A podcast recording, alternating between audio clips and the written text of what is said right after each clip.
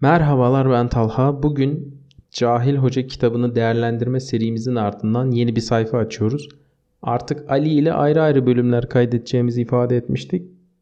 Bu hafta bir ilk adım mantık bölümü ile karşınızdayım.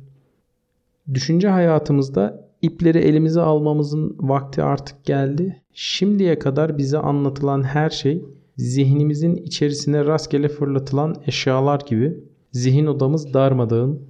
Biri bize herhangi bir soru sorduğunda o yığının ve karmaşanın içerisinden cevap bulup da vermekte zorlanıyoruz. Bunun en temel sebebi de kendi zihnimizi düzenlememiş olmamız. Bildiğimizi sandığımız bazı şeyleri gerçekte bilmiyoruz. Zaman zaman bazı düşüncelerimiz oluyor fakat neden bu şekilde düşündüğümüzü temellendiremiyoruz. Yeni bir durumla karşılaştığımızda ne yapacağımıza karar veremiyoruz. Aslında tüm bu sorunların kaynağı eğitim hayatımızda bize en başta detaylı bir şekilde verilmesi gereken mantık bilgisinin zayıflatılarak geçiştirilmesi. Bugün burada konuşacağımız her şeyi aslında aklımız başımıza geldiğinden beri biliyor ve uyguluyor olmalıydık. Ama maalesef neyse mantık nedir? Neye yarar? Hemen söyleyelim. Mantık basitçe doğru düşünmenin aracı ve akıl yürütme yöntemidir. Peki ne işe yarar? Bunu madde madde ve detaylı olarak ele alalım. Birincisi ve öncelikle bağımsız düşünebilmenizi sağlar.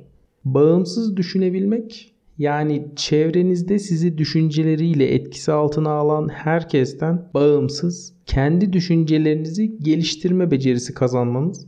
Bunu hiç yapmadan hatta ihtiyaç dahi hissetmeden yaşayabiliyoruz. Buna biraz da eğitim sistemimiz neden oluyor. Sürekli hocaların bize aktardığı düşünceleri dinleyerek ve ailelerimizden gelen düşünce kalıplarını kullanarak hayatımızı sürdürüyoruz. Nihayetinde de çevremizin ortalaması bir insana dönüşüyoruz. Fakat bir kez bu çemberin dışına çıkarsanız artık kendi başınızasınızdır. Ve bu da sizi zihinsel olarak daha çok zorlayan bir sürecin başlangıcı olur. Bir kez uyanan hep uyanık kalacaktır der filozoflar. Bu aynı zamanda zihinsel özgürleşmenin ilk adımıdır da.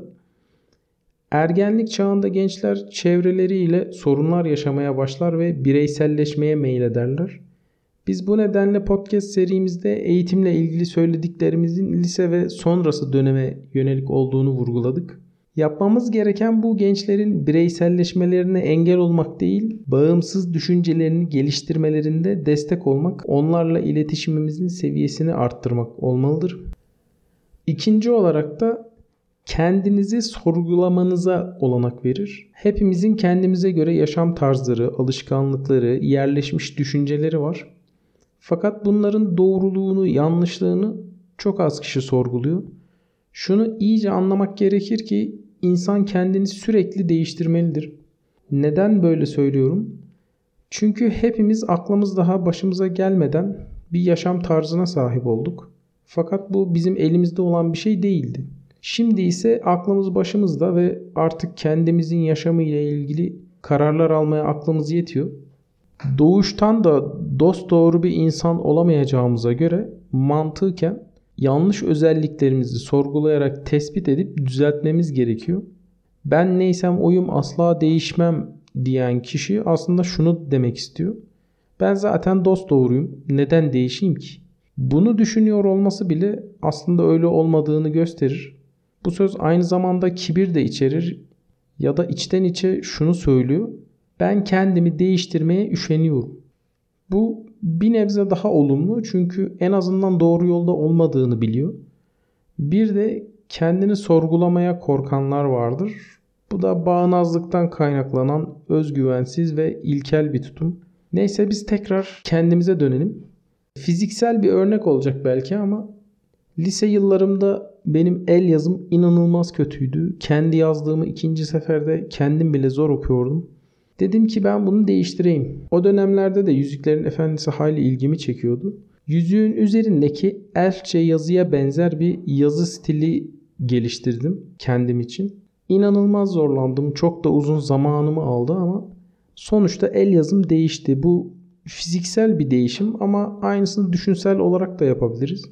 kişinin kendisini sorgulayarak değişmesi gereklidir ve bu hiç problem edilecek bir şey de değildir.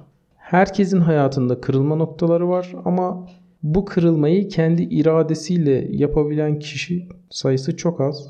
Üçüncü olarak ilişkileri ve çelişkileri fark etmenizi sağlar. Sorguladığınız her düşüncenin, her hareketin, her alışkanlığın birbiriyle ilişkisini görmeye başlarsınız. Mantığın iki yöntemini kullanarak bunu yapıyoruz. Bunlar tüme varım ve tümden gelimdir. İkisi arasındaki en önemli fark tümden gelim kesin sonuçlar verirken tüme varımın olası sonuçlar vermesidir. Tüme varım için şöyle bir örnek gösterebilirim. Liseye kadar senelerce yabancı dil derslerine girdiniz ve doğru düzgün ne konuşabilmeyi ne de yazabilmeyi öğrendiniz. Bu demektir ki muhtemelen lisede de yabancı dil öğrenemeyeceksiniz. Tüme varım size bunu söyler. Tümden gelim ise şunu söyleyecektir. Herkes yabancı dil öğrenebilir. Siz de herkes kadar zekisiniz. O halde siz de yabancı dil öğrenebilirsiniz. Bu iki görüşü birleştirdiğinizde de aslında yabancı dil öğrenebilecek bir durumdayken eğitim sisteminin vaat ettiği şekilde size bunu öğretemediğini göreceksiniz. Farklı bir yol denemeniz gerektiğini anlayacaksınız. Siz bunu kendi iradenizle de öğrenebilirsiniz. Bunun için kimseye ihtiyacınız yok.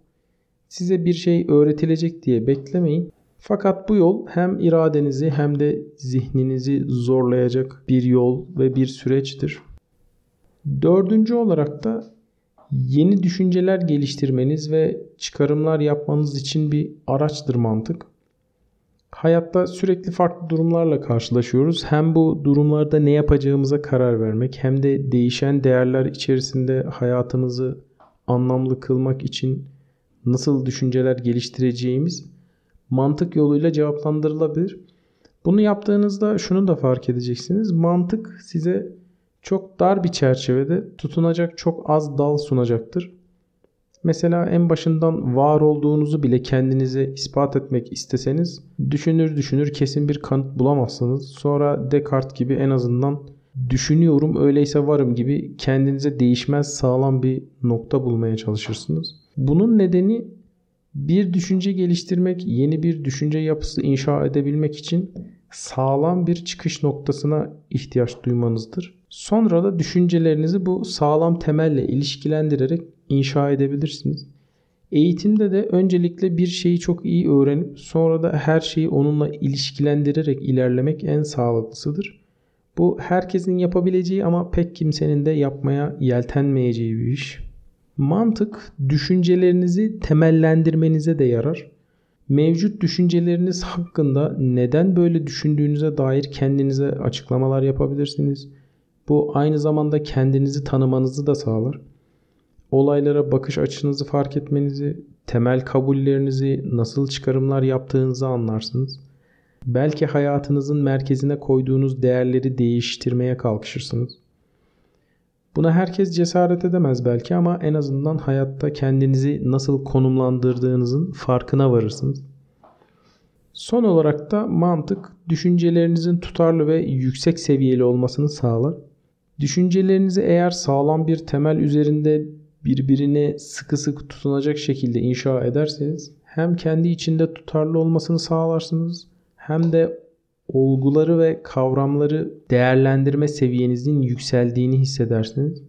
Aynı zamanda düşünce dünyasına katkıda bulunmuş tüm düşünürlerin ifadelerini anlamakta ve yorumlamakta zorlanmazsınız.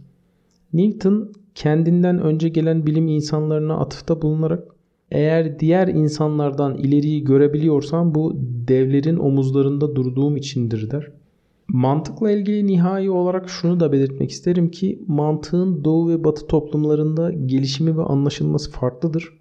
Antik Yunan'da Aristo'nun ortaya koyduğu mantık hayli uzun zaman sonra Gazali aracılığı ile medreselerde ders olarak okutulmaya başlanmıştır. Mantık bilmeyenin ilmine güven olmaz der Gazali. Günümüzde ise matematik derslerinin ilk konusu olarak sembollerle okutuluyor mantık fakat öğrencilerin pek bir şey anladığını sanmıyorum. En azından kendi adıma bu yaşıma kadar bana mantık öğretildiğini söyleyemem.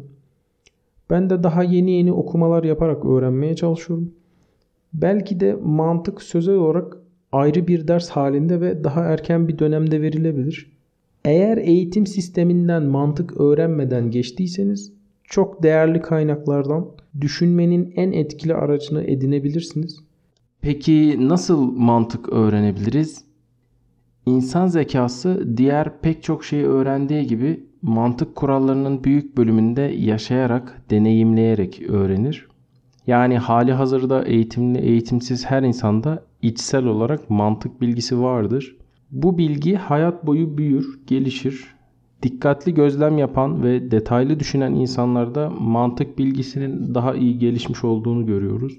O zaman bu durumda herhangi bir dersten veya kitaptan mantık öğrenmeye ihtiyaç var mıdır? Buna benim cevabım evet.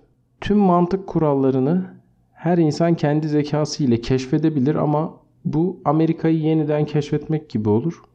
Zaten bu konuyla ilgili hali hazırda pek çok eser yazılmış ve insanlar buna ciddi zamanlar ayırmışlar, kafa yormuşlar. Bunlardan faydalanmak elbette ki işimizi kolaylaştıracaktır. Buradaki en büyük tuzak mantığın bir dersten veya kitaptan öğrenmenin olmak ya da olmamak gibi bir durum zannedilmesi. Yani mantık ilkelerini öğrenmek ve kullanabilmek farklı şeyler. Hayat boyu sürdürülmesi gereken bir pratik aslında bu. Hem formal olarak bir kaynaktan öğrenmek hem de öğrenilenlerin gün içerisinde pratiğini yapmak gerekir. Bunun için kullanabileceğiniz bazı kaynakları web sitemizde paylaştık. Bu kaynaklara podcast açıklamasında yer alan linklerden de ulaşabilirsiniz. Mantıkla ilgili genel olarak söylemek istediklerim bu şekilde. Sonraki bölümlerde görüşmek üzere, hoşçakalın.